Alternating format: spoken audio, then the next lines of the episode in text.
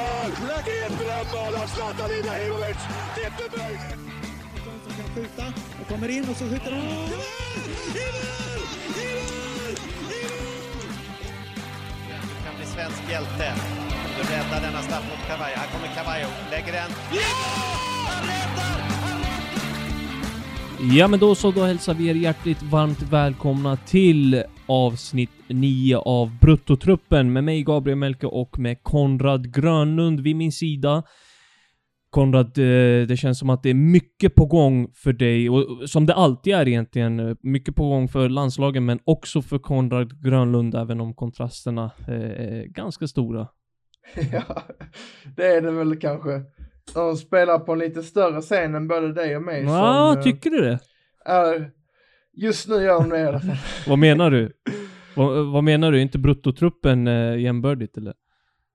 Ja men alltså, grejen är att vi måste vara ödmjuka liksom. Det är, vi måste, vi måste liksom vara snälla mot dem för att de ska ta till sig oss. Så att, eh, men, Inget Bruttotruppen utan skadar inte. landslagen, eller hur? nej, och inget, inget landslag utan Ja. oss. Oh, oh, oh. Kul att ha dig här Konrad. Eh, Hur är läget annars? Vi hörs ju inte så mycket nu för tiden med tanke på att det är eh, lite distans och sånt med tanke på pandemin och allt vad det innebär. Och att vi ja, båda har lite grejer på olika håll. Jo men det är bra, det är bra. Det, vi vi eh, körde ju lite studieprogram för, förra sommaren och det är helt sjukt att det har gått ett Mm. år. Eh, sen vi satt i en studio med eh, gäster och sådär och snackade fotboll. Så att, ehm, nej, det, det är faktiskt roligt. Vi har ju hängt ihop sen jag flyttade upp hit. Så ett och ett halvt år sedan nästan nu. Så att det är roligt. Så eh, nej, vi, vi eh, jobbar på vi, uh, journaliststudenter som försöker, eh, ja, vad ska man säga, vi försöker göra det vi har drömt om egentligen. Vi har jag kan inte tala för dig, men jag hade inte talangen för fotbollen. Du Eh, vet, att knäska knäskadan satte något- stopp för mig. Ja, ja, men du är nog eh, ensam om det. Ja, fan du vet, det, det högra knät och sen var det det vänstra knät. Det var knäskadorna, Ja. inte, eh, inte singular. Nej, men eh, som du Ja, ser, precis. Det var ju, du skulle ju med till eh, Halmstad där till eh, landslagsgruppen, men... eh, Först var det Bosön, sen var det Halmstad, du vet. eh, ja. Det går fort i... Elitlägret kallas det. Ja, exakt. Ja, exakt. Nej men du, det har hänt mycket sen... Det har hänt mycket sen i fjol, eh, sen eh, sommaren 2020 som du säger. Och här sitter vi med en eh, podd, Bruttotruppen och så. Och jag tänker att vi inte ska fastna så jättemycket vid det mer än att vi har berört det och nu går vidare. Det har hänt en hel del i landslagsfotbollens värld och vi börjar med herrlandslaget som har fått nya spelplatser i form av Sevilla och Sankt Petersburg byter från Dublin och Bilbao. Vad är dina spontana tankar kring det? Att det är väldigt uh, udda, kanske helt unikt eh, vad jag förstår. Jag har inte riktigt hittat något liknande. Att uh, man ska kunna spela på eh, samma arena två mästerskap i rad. Så Sverige har ju spelat i Sankt Petersburg tidigare. Eh, och det i sig är någonting som jag tänkte på när jag fick den nyheten. Annars tycker jag väl att Sevilla, jag vet inte ens vilken arena det är tal om, om det är Pizjuan eller om det är eh, den andra, vad heter det nu, Via Marin. Eh, men det är väl Pizjuan antar jag. Ja, jag tror det. Det är ju Men- också men en det- jättehärlig arena. Och, att, och det du säger är lite så ett kvitto på hur otydligt det här mästerskapet är och fortsätter att vara, alltså, eller har varit och fortsätter att vara. Och det är så här att det byts från Dublin eh, och Bilbao till Se- Sevilla och Sankt Petersburg. Man, fatt, man vet ju inte riktigt vad det innebär och kommer innebära för landslaget. Mer än att man har ja, spikat lite basecamp och lite sådana grejer. Men, men hur tror du att det kommer, kommer påverka landslaget överhuvudtaget att man nu spelar sina matcher i Sevilla och Sankt Petersburg? Eh, jag tänkte det som vi snart ska gå in på, det, nämligen att eh, basläget är Göteborg. Att det tror jag har en större positiv påverkan än att det skulle vara negativt. Enligt mig då att man kan vara hemma i Sverige och eh, jag vet inte om de får träffa familjen men de får i alla fall den svenska luften som vi vi pratade lite om igår, eh, du och jag, eh, inte i poddsammanhang utan privat att ja men att man känner igen sig i Sverige och känner sig hemma det tror jag väger över det där för att eh, ingen av dem har väl spelat i Dublin tidigare, kanske någon landskamp. Bilbao, knappt någon av dem liksom. Så att eh, det är ingen hemmaplan direkt, eller vad säger du? Nej, jag håller väl med. Alltså, som jag har förstått det så kommer landslaget eh, börja sin resa i Stockholm, eh, samlas där och sen så tar man sig vidare till Göteborg och eh, vad heter det? Jörgens park.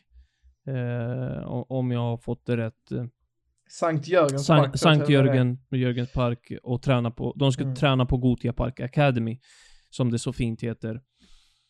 Och sen en vecka på Båstad tidigare Ja, också, visst är det så. Det var det jag tänkte. Det var, Mm. jag tror att de börjar i Stockholm, tar sig till Båstad och så vidare till eh, Sankt, eh, Sankt Petersburg, eh, Sankt Jörgen, Sa- Sankt Jörgen Park. Eh, många sanktisar. Ja, exakt. Glassigt de lever. Ja, och alltså jag håller med dig till fullo. Alltså vi pratade om det som du säger igår och det här med att andas den svenska luften. Jag vet inte hur mycket det skiljer sig i känsla eh, eller eh, alltså för luktsinnet när man är utomlands så.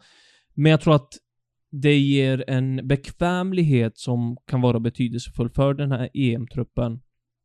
För det här EM-laget att känna det här att eh, om man nu pratar med någon i eh, receptionen så är det samma språk. Om man nu pratar med någon omkring så är det svenska. Bara det ger, ger nog den här eh, närhetskänslan som, som man värdesätter. Men Ja, de flesta har väl varit i Göteborg, tänker jag också. att eh, Det är väl några stycken som har varit utomlands i större delen av sina karriärer. Men de flesta har väl att, åtminstone varit i Göteborg någon gång i sitt liv, tänker jag. Så att, och många är väl från Göteborg dessutom, eller ett par i alla fall. Så att, eh, det, jag ser inget negativt med att baslägret är Göteborg. Jag tror väl snarare att det, det kan vara tufft för förbundet att, att ställa om eh, än att det är det för Janne och spelarna. Eh, vad, vad, däremot så, ja, nej, nej förlåt, jag ska bara säga att jag, jag tycker det, det är lite konstigt att det fortfarande är olika länder, att de inte bara valde två länder eller tre. det är ju... Det tyckte jag nästan man borde gjort i pandemihänseende. Ja, ja men, men vi vet ju hur det funkar vid det här laget och pengarna kommer ju först, som sagt. Och eh, ja, det, det är väl bara att infinna sig med det och göra det bästa av det. Men på tal om det bästa av det, vi är på väg mot att eh, få publik på läktarna som jag har förstått det. Vad är det senaste kring det? Ja, nej men det, det, i Sverige har vi ju då en eh, ny gräns på 500 personer från och med om någon vecka. 17 april, eh, Jag vet 17 inte maj. Exakt, Ja. ja. precis. Eh, men i utomlands så, så rör det sig ofta om en siffror på så mycket som 10 000 beroende på kapacitet då. Men de stora arenorna kan ta in 10 000 framöver verkar det som. I England, i Italien och eh, alltså där omkring. Det är inte alltid samma. Men i England och Italien. Dessutom i um, Ungern där det ska spelas dess, uh, lite matcher. Jag tror även att det gäller lite andra småländer som ska vara med och arrangera mästerskapet. Eh, jag vet inte hur det är i Tyskland och jag vet inte hur det är i Spanien. Där eh, får gärna någon som lyssnar skriva till oss faktiskt. Eh, för det ska ju vara så här, vi ska inte sitta och googla under poddens gång utan är det någonting vi inte kan så får vi vara transparenta med det. Tycker jag. Ja, men jag har för mig att eh, Ryssland och Sankt Petersburg kommer jobba ganska starkt för att ha publik på läktarna och jag tror att det snackas om uppemot 20 000. Och det är ju en dröm. Eh, men där, Ja, just det ja. eh, där kan jag ju vara ute och cykla. Men jag, jag har för mig att jag har läst de siffrorna. Men det är ju, det är ju som sagt, det är ju mycket siffror fram och tillbaka. Det är ju mycket som skriv, skrivs och omskrivs flera gånger om. Och jag tänker att man avvaktar med de här just publiksiffrorna och lite sånt. Eh, fram till att det är spikat. Men någonting vi har avvaktat med och fått bekräftat nu Konrad, är att det blir 26 spelare i EM-truppen. Ja, och det är ju faktiskt eh, väldigt roligt tycker jag. Speciellt för oss som jobbar utifrån eh, bruttotruppen, att trupperna är vår största, eh, vad heter det, vårt största diskussionsämne kanske framöver och även just nu. Eh, så tycker jag att det är väldigt roligt och då ger det oss lite mer rum för spekulation, vilka som blir aktuella. Så dessutom om man tänker på ett fotbollsmässigt plan så ser jag ingen, ingenting som är negativt med det. Utan jag tycker att större trupper är bara bra. Faktiskt. Eh, och alltså, om du bara får sätta fingret på det, vad är det som är bra? Vad, gynnas vi i Sverige av att ha en större trupp? Vad gynnas Janne Andersson av? Ehm, jag tror han har pratat om det själv, så det här är ingenting som jag tar helt själv från eget huvud, men att man kan få lite fler egenskaper och fler typer av spelare som Gustav Svensson eh, och eh, som jag förstår det kommer vara med. Eh, Om han får, en, om han släpps iväg va? Där har det varit Mm. lite otydligt från Kina. Där har du ju Ja. det såklart, eh, som, som är en, en faktor. Sen kan du också motivera mer att du har med Granqvist. Mm. Att du har med en... eh, eh, nu, nu kommer jag inte på något annat exempel bara för det. Men, men, Men- är men Jordan Larsson relevant att bolla upp i, i, ur den aspekten? Jag vill ju Ja. det. Men eh, jag vet inte om han vill det. Vi skulle väl prata om det nästa vecka va? Ja, alltså vi ska inte gå in så här jättenära på vilka vi vill ha in i EM-truppen, utan jag tänker att vi tar den nästa vecka när det är en vecka kvar eh, till det att Janne tar ut sin EM-trupp. Och i samband med det kommer vi också ta ut eh, vår OS-trupp inför eh, Gerhardssons uttagning och eh, damernas OS då. Men eh, jag tänker så här eh, att det är ju 16 plus 2 i OS-truppen. Nu byter jag ämne lite grann. Tror vi att det kommer bli någon ökning där någonting? För jag har inte läst något om det. Men jag tänker att det, det är väl rimligt att tro att det kan hända någonting. Jag fattar inte hela grejen med att det ska vara 18 spelare överhuvudtaget. Det känns ju orimligt. eh. Två skador så är du illa ute. Mm, verkligen, verkligen. Det är väl ändå en tre, fyra veckors turnering. Mm. I alla, eller kanske inte bara fotbollsmästerskapet kanske inte är tre, fyra veckor, men OS i sig. Så jag menar det, nej det, det tycker jag är obegripligt faktiskt och speciellt pandemitider när vi har fem byten och allting. Ja, och, Men eh, vad tycker du? Ja, jag menar det, det, det känns ju inte som att det finns en bra förklaring. Nej, exakt. Och jag har egentligen inte mycket att addera där. Det, det är väl klart att eh, ska, ska vi ha fler spelare till EM-truppen, så, så, trupperna, så är det väl klart att vi ska ha fler till OS-truppen. It doesn't make sense om vi, vi har fortsatt har 18 spelare. Jag menar, varför? Det är ju färre i, i, från början liksom. Men Känns som 1970-talet när man gjorde ett byte. Ja, och eh, alltså så här. Eh, det, vi, kan ju, vi kan ju konstatera att det kan bli ändringar. Vi vet inte. Så därför är det bra att senare lägga vår uttagning till nästa vecka, tänker jag också. Så, så släpper vi det. Mm, men men eh, samtidigt så är det ju så att det har inte aviserats att det är på Nej, väg. exakt. På samma sätt som Men, men hur mycket brukar Alltså, man avisera grejer när det kommer till damfotbollen? De hakar väl bara på herrfotbollen? Alltså, förstår du vad jag tänker? Det är så här, Ja, känslan är så. Tyvärr. Och, och eh, alltså, ja, jag, jag har ju flera exempel, men jag tänker att vi inte behöver ta den diskussionen, men det känns som att, ja, vi har gjort det på här sidan och utvärderat att det går bra, så nu gör vi det på damsidan också. Lite så. Tyvärr. Mm. Eh, men 26 spelare som sagt i EM-truppen och släpper OS för stunden. Vi kommer prata mer damfotboll vad det lider. Eh, men 26 spelare. Min spontana tanke, du får gärna slå mig på fingrarna om, om jag är helt ute och cyklar, men det, det första jag tänker på är att det kan gynna Sverige ur den aspekten att Seb Larsson gick ut skadad här i helgen. Ska inte vara någon större fara, men han är... Ah, han, han, han är ju inte purung. Det är inte Mikael Lustig heller. Det är inte Zlatan Ibrahimovic heller. Det är inte Andreas Granqvist heller, om han nu skulle vara med. Så där har du direkt på rak arm fyra spelare. Lägg, lägg till Kristoffer Olsson som inte är helt fri från skador under sin karriär. Lägg till Albin Ekdal som är lite av en porslinsspelare i stundtals, inte den här säsongen. Han har väl klarat sig rätt så bra. Eh, lägg till, nu, du hör, Vigges rygg som eh, krånglar till och från. Så för Sveriges del, som ändå har en del, precis som alla andra lag såklart, men Sverige som har en del ålderstigna spelare, som har en del spelare med eh, skadehistorik, alltså jag ser, jag ser det bara positivt eh, att vi har 26 spelare ur den aspekten också. Jag menar, vi har ju en spets i Sverige, det ska vi inte hymla om, men vi har också en bredd som är värdefull och som kan nyttjas här vid eventuella skador. Mm, absolut, det, det tänkte jag också på. Ehm, innan när jag diskuterade det, men, men samtidigt så det, det finns ju, det finns ju en, en poäng med det. Sen tycker jag ju också att Serie A-modellen är väldigt bra det där med att du har 12 avbytare. Mm. Det tycker jag finns ingen anledning till att det inte ska vara så. Eh, för att då har du alltid någon att slänga in. Sen om du behöver ha, om vi tä- tänker klubblag bara för några sekunder, om du behöver ha några juniorer på bänken, ja men då är det deras sätt att komma in i det sammanhanget. Och samma sak med landslaget, att där har du ju 12 avbytare i och för sig. Men eh, eh, om du tänker på trupperna så är det ju, det är, det är, det är 12 avbytare och sen är det inga fler. Mm. Det är ingen, ingen som kan ersätta någon på bänken. Det tycker jag att eh, man skulle, man kommer få här nu, man kommer få tre extra spelare då. Mm. Det tycker jag, finns, det finns inga nackdelar för att eh, du har ju, som du sa, det, det finns det skadeproblem och så, men det är också att du kan få med någon spelare som ska vara med i framtiden Mm. och känna på det här med landslaget, känna på ett mästerskap.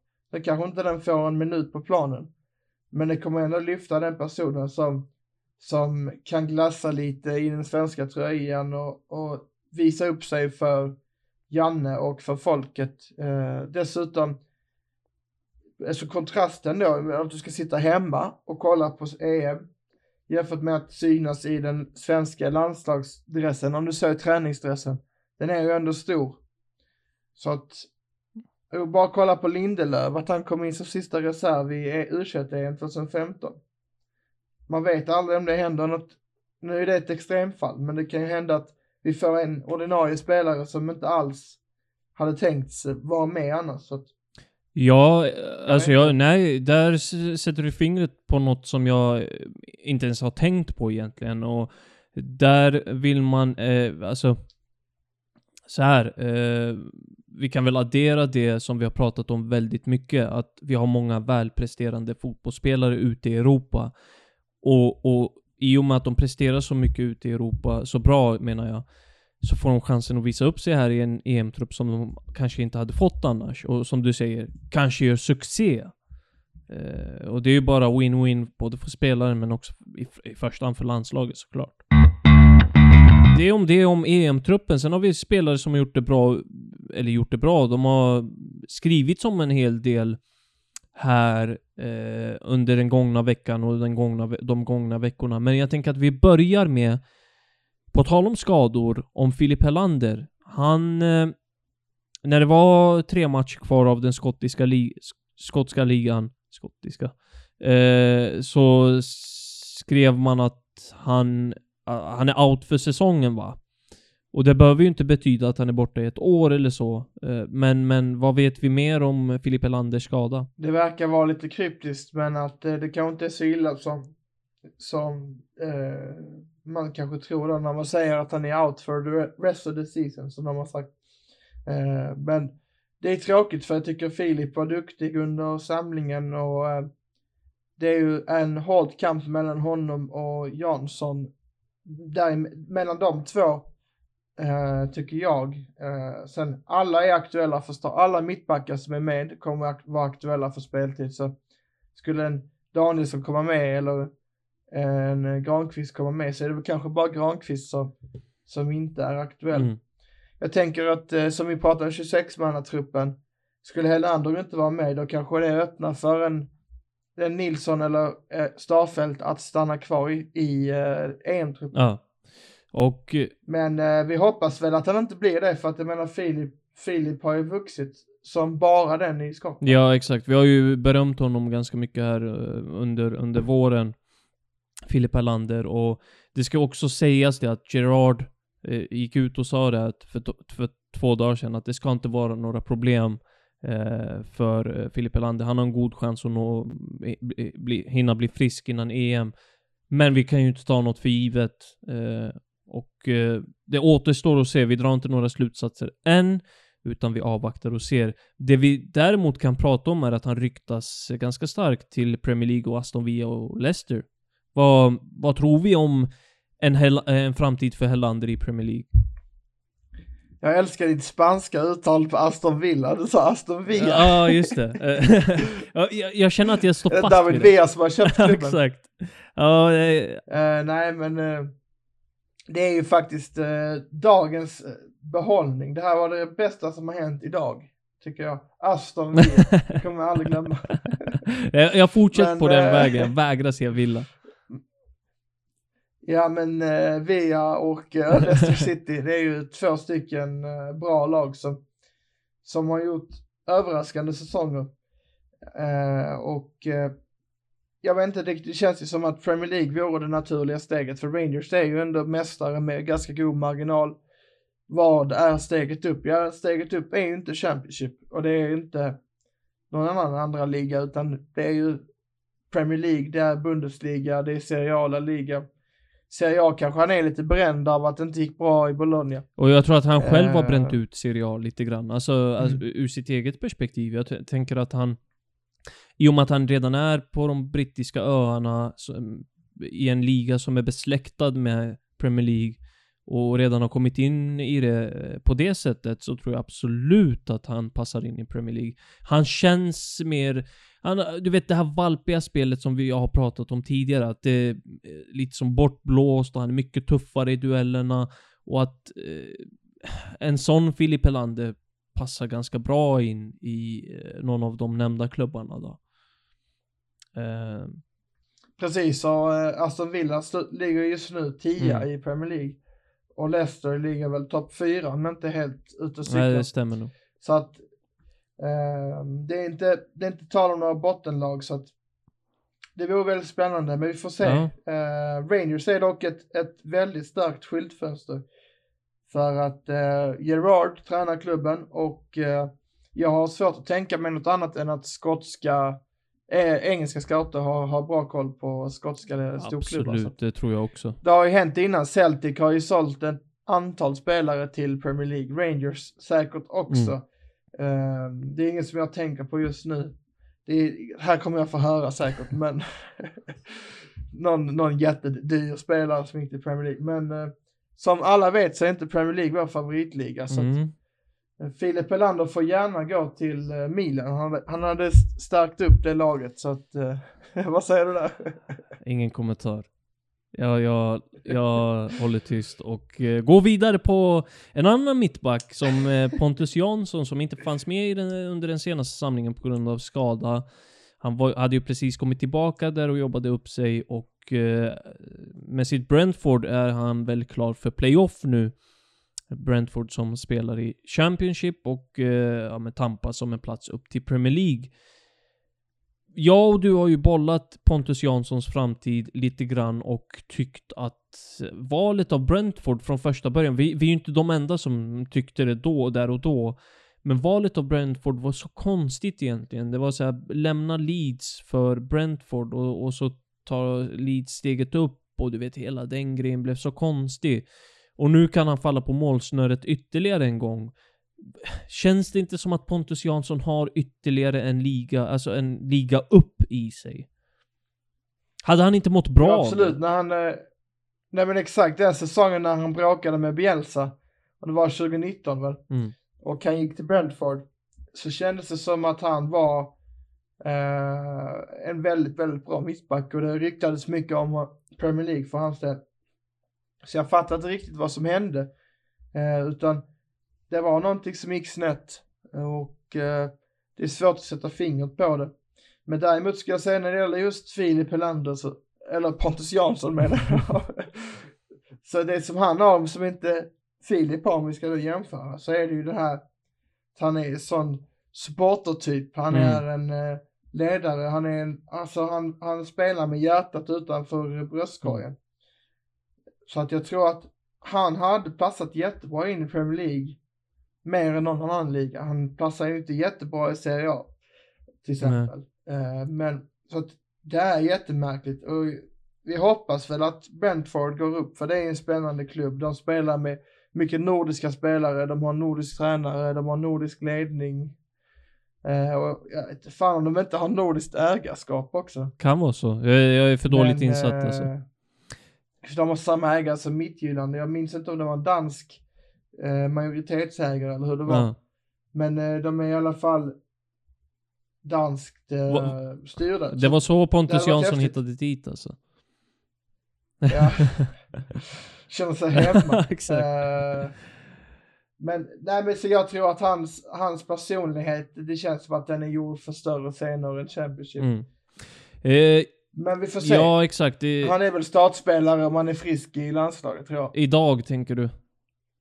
Du, Mm, du tar honom eh, för en eh, Filip Helander, Marcus Danielsson, Andreas Granqvist.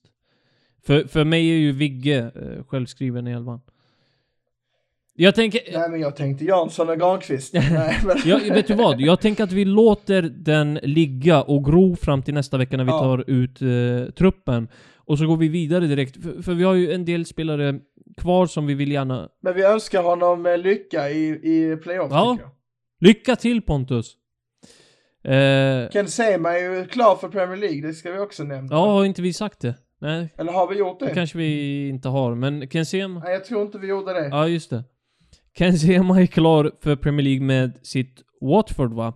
Han hamnade på andra plats i Championship, så fler svenskar i Premier League. Det, det tackar vi ju inte nej till, även om eh, det inte är vår favoritliga, eller hur Konrad? Nej, det kommer det aldrig bli. Men Ken Sema är ju en spelare man älskar, eller jag älskar i alla fall. Jag tyckte Italien, Udinese var han ganska bra. Jag blev förvånad att han gick till Championship efteråt. Ja, det har väl lite med plånboken att göra va?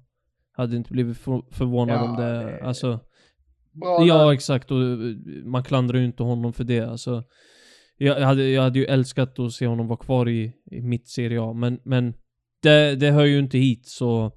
Vi, jag tänker att vi släpper det och vi har några spelare till som vi kan bolla upp kort innan vi går vidare eh, ifrån eh, herrlandslaget. Och jag, jag vill gärna ta upp Branimir Hrgota som många har noterat den här säsongen på sistone. Och jag tror att man fastnar lite grann vid hans stats på eh, 13 mål och 6 assist. 19 poäng har han.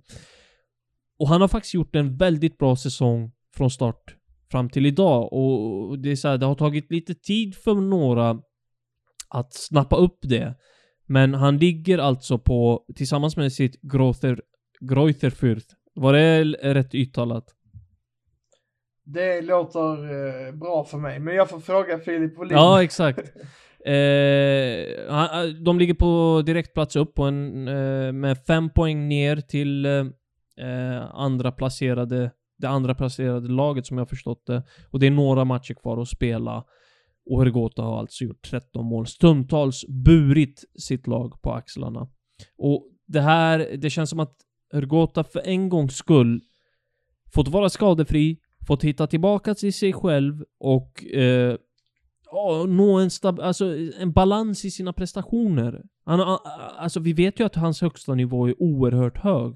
Men han har haft en lägsta nivå som har varit ganska låg. Och det är lite svårt att förstå honom med tanke på att alltså, han, han har ju inte haft det lätt. Han har haft svårt att få kontinuerligt med speltid och fått, få saker och ting att stämma. Men när saker och ting väl faller på plats, då är han jävligt bra alltså. Ja, precis. Och eh, det är nu på slutet av säsongen det har ex- exploderat ordentligt med sju poäng på sju matcher här.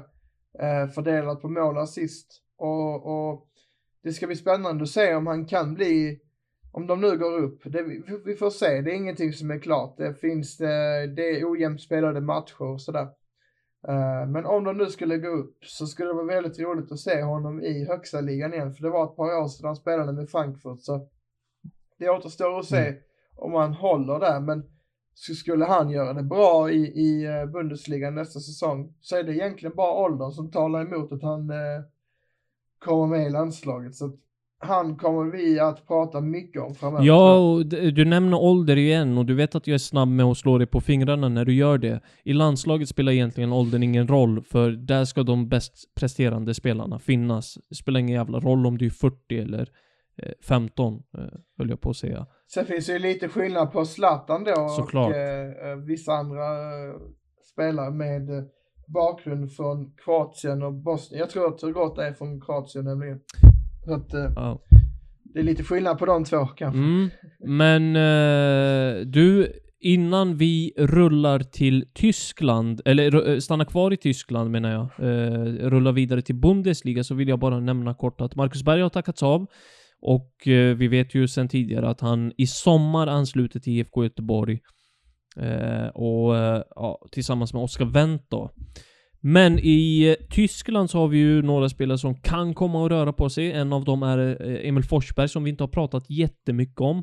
Vad, vad skrivs om hans framtid? Det har ju snackats en hel del om Milan då. Där jag absolut kan tänka mig att han hade passat in liksom. Men, men vad, vad har vi mer på Forsbergs framtid? Det har pratats lite om Leicester City, det har pratats lite om Arsenal. Det har pratats om, eh, ja men lite Roma någon gång också Mm. Jag tror att under, eh, under Mourinho i Roma så tror jag inte han hade gjort bort sig. Och han hade inte gjort bort sig i Milan heller. Sen är frågan om de behöver honom, men det är en annan sak. Eh, det får ju väl klubbledningen bedöma. Men eh, det är nog inte illa för honom att, att byta klubb. Han har varit där sedan vintern 2014-15 där, eh, skiftet där, årsskiftet där. Så, så jag menar, han har gjort all, all sin utlandskarriär, har, har varit där så att någonstans är det väl dags och, och får han ett bra kontrakt i Arsenal eller Milan eller Roma, vem hade tackat nej? Så att det låter jättevettigt för honom att flytta faktiskt. Mm, det känns som att Tycker det är jag. dags. Ja, nej, men jag håller med. Det känns som att det är dags. Om, om, det, om Emil Forsberg vill ta nästa steg så måste han upp, eh, upp ett snäpp i klubbvalet liksom. Leipzig i all ära. De, de har ju chockat ganska många med sina prestationer de senaste åren och de är där och ja, nosar bakom Bayern även om de, jag säger det, aldrig kommer komma upp till deras nivå. Eh, det kan väl bli någon titel här och var, men, men det, det kommer inte riktigt vara den här Europatoppen som man gärna vill se Forsberg testa sina vingar på. Eh, och jag tänker att nu är det, det, det är väl nu eller aldrig, lite så. Det är väl dags nu om Emil Forsberg vill ta det här steget. Och eh, ja, frågan är om han gör det i sommar. Frågan är vart det bär av. Eh, en annan svensk som har ryktats till Roma som vi har pratat om en del här i, i, i det här avsnittet är ju Robin Quaison. Och eh, det är till ett Roma som numera tränas av, eller kommer, det kommer ju tränas av José, José Mourinho. Se, försämrar det chanserna Eh, för en värvning av Robin Quaison eller tror du att det överhuvudtaget har varit aktuellt någon gång? Jag vet inte riktigt om det har varit aktuellt, men i Italien har det pratats om det och eh, ja, alltså, Italien, jag tycker det är rätt så bra trovärdighet på många av de eh, transferjournalisterna där, så att någonstans så det har funnits ett intresse, de har tittat på honom, men jag tror att eh, prislappen talar nog för Robin, för han kostar säkert inte några större kronor. Eh, och med det sagt så tror jag väl att eh, Mourinho kanske talar emot för att jag tror att han vill ha någon som är mer profilstark kanske. Ja, det Och, känns som att eh, hämt, Då kanske Forsberg är mer aktuell. Exakt, och det känns som att hämtar man in José Mourinho och ger honom en lön på, vad är det, 7,5 miljoner, 7,5 miljoner euro? Eller något sånt. Eh, då kommer man satsa. Alltså det, det är väl eh, en indi- indikation på det. Den, den enda som tjänar bättre än honom är väl eh, Antonio Conte i Inter på 12,5 eller något sånt. Så, eh, ja, frågan är om man tittar, fortsätter titta åt Mainz och eh, Robin Quaisos håll. Men eh, det är också en resa som vi följer med spänning. Snackades ju en hel del om Lyon här i fjol. Och får se hur det blir i sommar. Det lär väl komma avsnitt från vår sida där vi benar ut alla rykten och lite sånt vad det lider. Men jag tänker att vi släpper här fotbollen här Konrad om inte du vill addera någonting och hoppar in i eh, en hel del damfotboll. Nej, det går bra för mig. Och i damfotbollens värld så kan vi väl börja med att eh, Champions League-finalen nu eh, har fått sina två lag. Champions League-finalen som går av stapeln i Göteborg den 16 maj. Och det blir Chelsea. Med tre svenskor i laget som tar emot Barcelona. Spontana tankar Konrad? Då håller vi väl på Chelsea, antar jag. Eh, ja. Men det är lite svårt att säga det för att det är just Chelsea. Men eh, ja, Barcelona har ju Like Mertens som har spelat i Rosengård så att eh, Nej, men skämt åsido.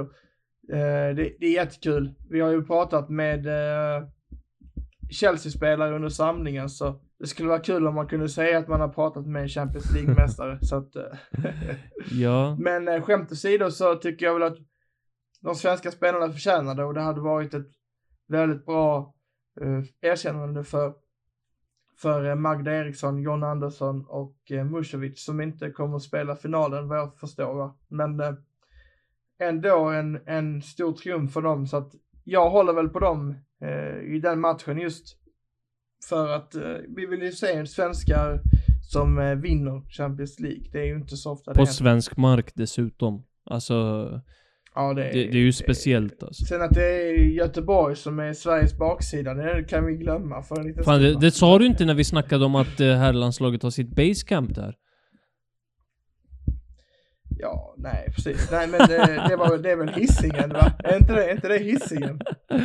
Ja, det, det är det väl. Det Eller? är det, det är det. Det stämmer. Jo, nej jag skämtar lite grann här nu. Eh, Göteborg är ju en bra fotbollsstad, det får man ändå säga. Fan vad du, fan vad du Och, pudlar. eh, de förtjänar väl, de förtjänar väl sin eh, Women's Champions League-final kan jag tycka. Ja, som ni hör, Champions League-finalen mellan Chelsea och Barcelona, den ser ni den 16 maj. Eh, den följer vi med. Och den rör upp känslor. Ja, verkligen alltså. Eh, Det kommer bli spännande att, att följa den matchen och parallellt som den här matchen har fått sina finalister så har ju en eh, VM-kvalgrupp lottats för Sverige och det står klart att man får Finland, Irland, Slovakien och Georgien i sin grupp, Konrad. Vad... Vi har väl inte jättemycket på de här lagen just här och nu, men tanken är att vi ska jag tänker att vi ska ha, köra ett avsnitt där vi går igenom lag för lag, så vet vi vad vi har att vänta oss i VM-kvalgruppen. Vad tror du om det? Absolut, men vi säger väl att det är en ganska mycket av en drömlottning va? Ja, men de här, det här är väl Eh. eh, överkomliga motstånd som Sverige ska slå mm, alla dagar i veckan väl? Tänker jag. Nej men precis, det, det kan också vara läge för eh, Peter att lyfta en trupp och eh, testa lite nya, jag säger inte att man ska göra det, att man sätter in en B11 i ett VM-kval, men man, man kanske kan lyfta lite fler positioner. Till exempel då som vi pratar om i förra avsnittet, att ge chansen till några från, eh, från eh, damallsvenskan. Så att Mm. Men, det blir spännande ändå, men jag menar det viktigaste är att man tar sig till, till VM, så det gäller ju inte att eh, underskatta någon. nej, jag vet ju att det kan spelas eh, matcher parallellt. Jag vet att det spelas matcher fram till, andra matcher fram till att VM går av stapeln. Och jag vet att man kan, amen, välja sina motståndare att genrepa mot. Men kan det finnas något negativt att bara ha, så att säga, sämre motstånd i sin VM-kvalgrupp och på så sätt kanske inte mäta sig med de större drakarna? Förstår du vad jag tänker? Att, kan det finnas något negativt i det? Absolut, och det är väl eh, nackdelen med att vara högt rankade. Man tänker på eh, England som vi, som eh, landslaget som, som brukar dominera sina kvalgrupper. De brukar komma etta, de brukar vinna alla matcher i princip. Nio av tio, om inte allihopa liksom.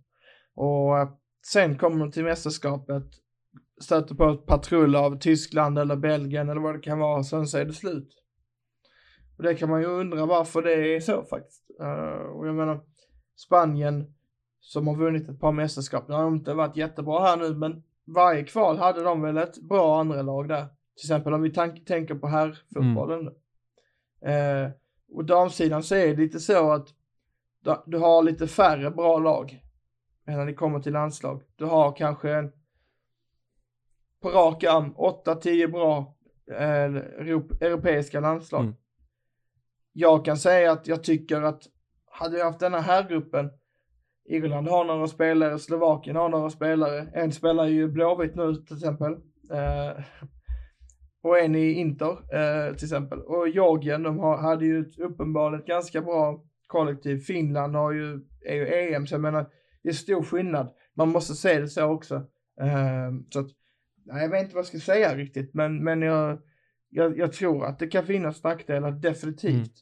Så man får nog genrepa mot ett jag vet jag, Japan, Tyskland. Ja, men alltså ba bara för USA. att få känna på det lite grann eh, och förbereda sig för vad som sen komma skall i VM liksom. Men jag tänker att vi lämnar VM-kvalet därhän och, och tar upp det eh, vad det lider eh, och närmar sig. Men det, det vinner Sverige va? Ja. Den, vinner grupp, den gruppen vinner Ja, Sverige. det, det ska väl inte kunna gå på något eh, annat sätt liksom. OS-gruppen däremot, den har också lottats Konrad. Där är det lite tuffare motstånd i form av USA, Nya Zeeland och Australien. Och USA har vi ju redan, alltså vi kan ju väl säga att vi har koll på dem med tanke på att vi har Ja men Sverige har gått upp mot dem här eh, den gångna, de gångna veckorna i april. Och eh, Nya Zeeland eh, rankade på 22 plats i ordningen och eh, ett Australien som inte är helt eh, usla om man ska använda sig av sådana uttryck. De eh, rankade på nionde plats. Vad rent spontant så här när du kollar på de här landslagen och kollar på gruppen. Vad, vad ser du för svårigheter? Vad ser du för positiva grejer för Sveriges del? Först och främst så kanske vi kan nämna då att Australien har ju ett anfalls, eh, en anfallstrio med Arsenal, Chelsea och Vittsjö som eh, adresser. Det där tycker jag vi borde nämna. Eh, Så Kontraster. det är London och, och utanför Hässleholm. Så att, nej men det är väl egentligen inte, det är väl varken svårare eller lättare än vad man hade kunnat förvänta sig. Det är bara 12 lag i, i OS, men samtidigt så är det åtta lag som går vidare ur de här grupperna. Så att det gäller ju att det inte blir en av de två sämsta tvåorna, för det är väl, eh, treorna, det är väl så det funkar. Eh, då är du okej. Så att jag menar, det finns stora chanser till att man eh, är kvar när det vankas slutspel. Och det tycker jag ändå man ska ta med sig att det finns ändå rum för att förlora mot till exempel USA. Absolut, och eh, jag menar, vi ska ha klart för oss att USA är, hur vi än vrider och vänder på det, en mardrömslottning såklart. Eh, ja, Sverige lyckades mäta sig med USA här för några veckor sedan. Och, och eh, var på väg att vinna. Eh, det blev 1-1 till slut. Eh, men USA är ett riktigt bra landslag som man gärna vill undvika. Även om man kan säga att Sverige är på samma nivå eh, på det sättet. Eh, och de behöver vi inte gå in närmre på så. Vi gick igenom USA här för några veckor sedan i ett avsnitt och tänkte att vi inte ska upprepa oss. Vill ni ha mer USA så gå tillbaka i avsnitten. Men Nya Zeeland, eh, som sagt, rankade på 22 plats. Det här är ett lag som förlorade alla sina matcher under VM. Eh, VM 2019 alltså. Och de har inte jättenamnkunniga spelare så. De har ju eh, Rhea Percival som har eh, spelat i Tottenham, har gjort 148 landskamper och 14 mål.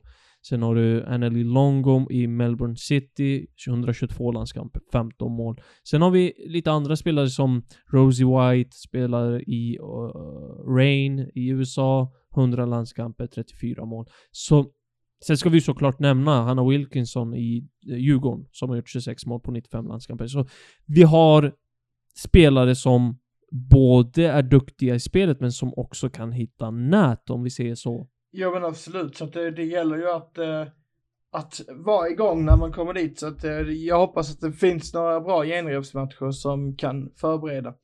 Faktiskt.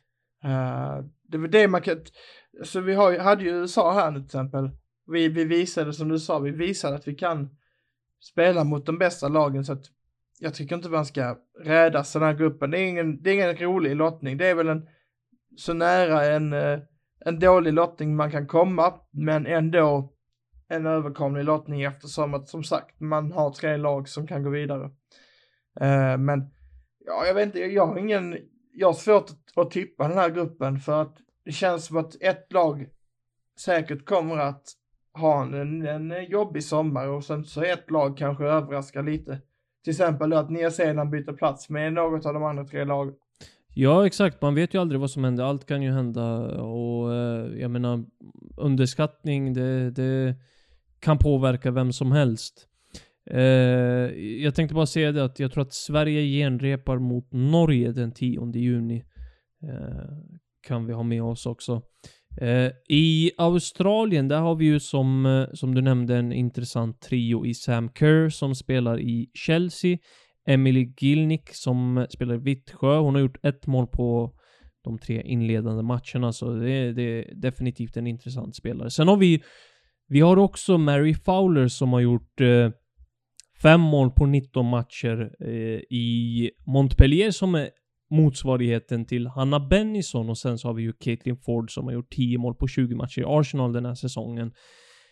Det är ju ett lag som Sverige såklart ska besegra, men som ni hör här, det, det, det är spelare som, som håller hög klass. Jag menar, Caitlin Ford som har gjort 10 mål på 20 matcher, det är inte illa. Och sen så vet vi alla vad Samantha Kerr går, går för. Hon har väl gjort typ så 18 mål på 20 matcher i Chelsea eller något sånt.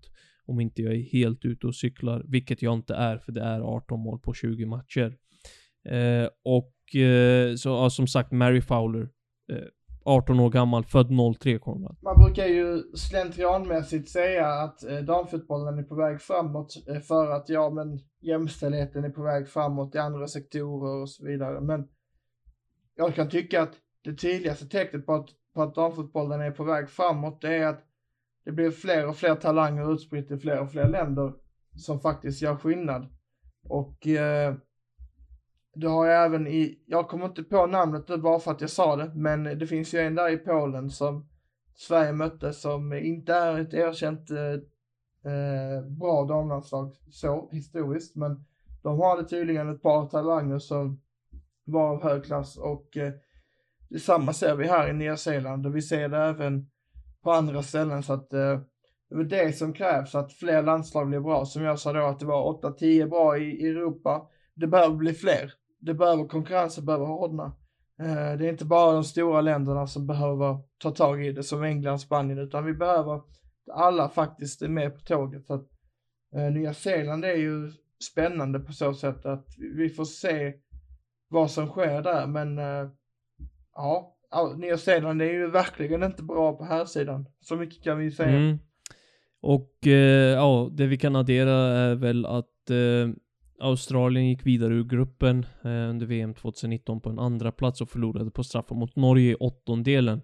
Man tränas numera av Tony Gustafsson, som eh, många säkert har koll på.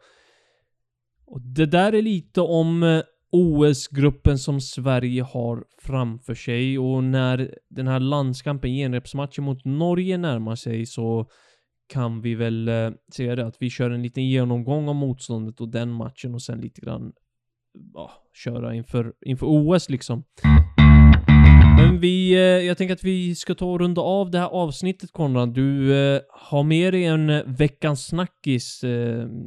Ja, det, det måste man ändå säga att det beror mycket på det här kanske att vi har varit på plats lite och så också, men man börjar känna att den här sommaren kan bli något speciellt. Eh, och man börjar känna pulsen stiga inom en med både jättefina e u landskamper som inleder sommaren. Sen ett eh, mästerskap som rundas av lagom till att vi kan bygga upp inför ett OS. Och sen när det är slut ja men då är det väl vinter i Sverige igen.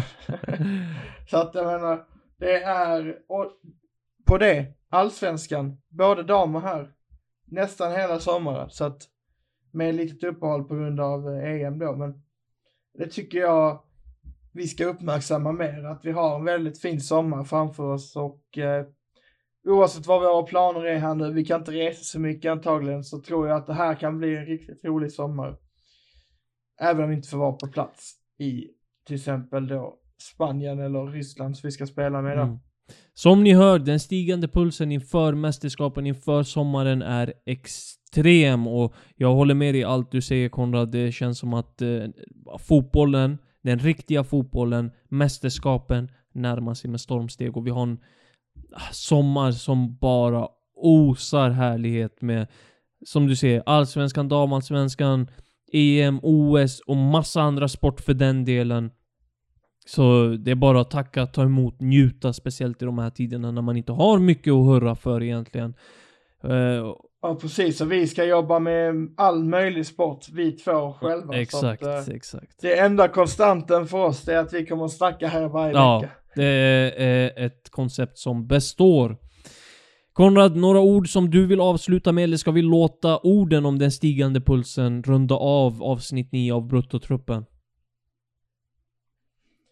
Nej, jag, jag vill bara säga att det, det, det som nu har utbytts från att jag var lite nervös för att Inter skulle för, för, eh, tappa sin scudetto har nu blivit till att jag har blivit nervös inför att spelarna ska skadas nu inför eh, EM. Så att fotbollen sätter galler i huvudet på en hur mycket man än vill att den inte ska göra det. Så är det. Så att det är väl mina, mitt medskick och jag, jag, jag hoppas verkligen att vi får en full trupp så att Jannes beslut beror på prestationer och, eh, och eh, eh, egenskaper mer än eh, fysisk status faktiskt.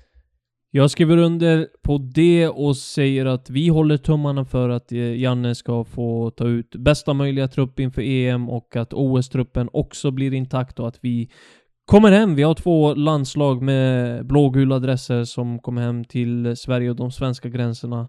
Möjligen med en medalj, medalj på varsin sida. Vi hoppas, vi håller tummarna och tackar er för att ni har varit med oss i under ännu ett avsnitt och hoppas att ni är med oss framöver. Följ oss gärna på Instagram och Twitter. Vi heter Bruttotruppen där och skicka gärna in idéer, tankar eller om ni vill gästa eller om ni har tips på någon som vill gästa så önskar vi er en härlig vecka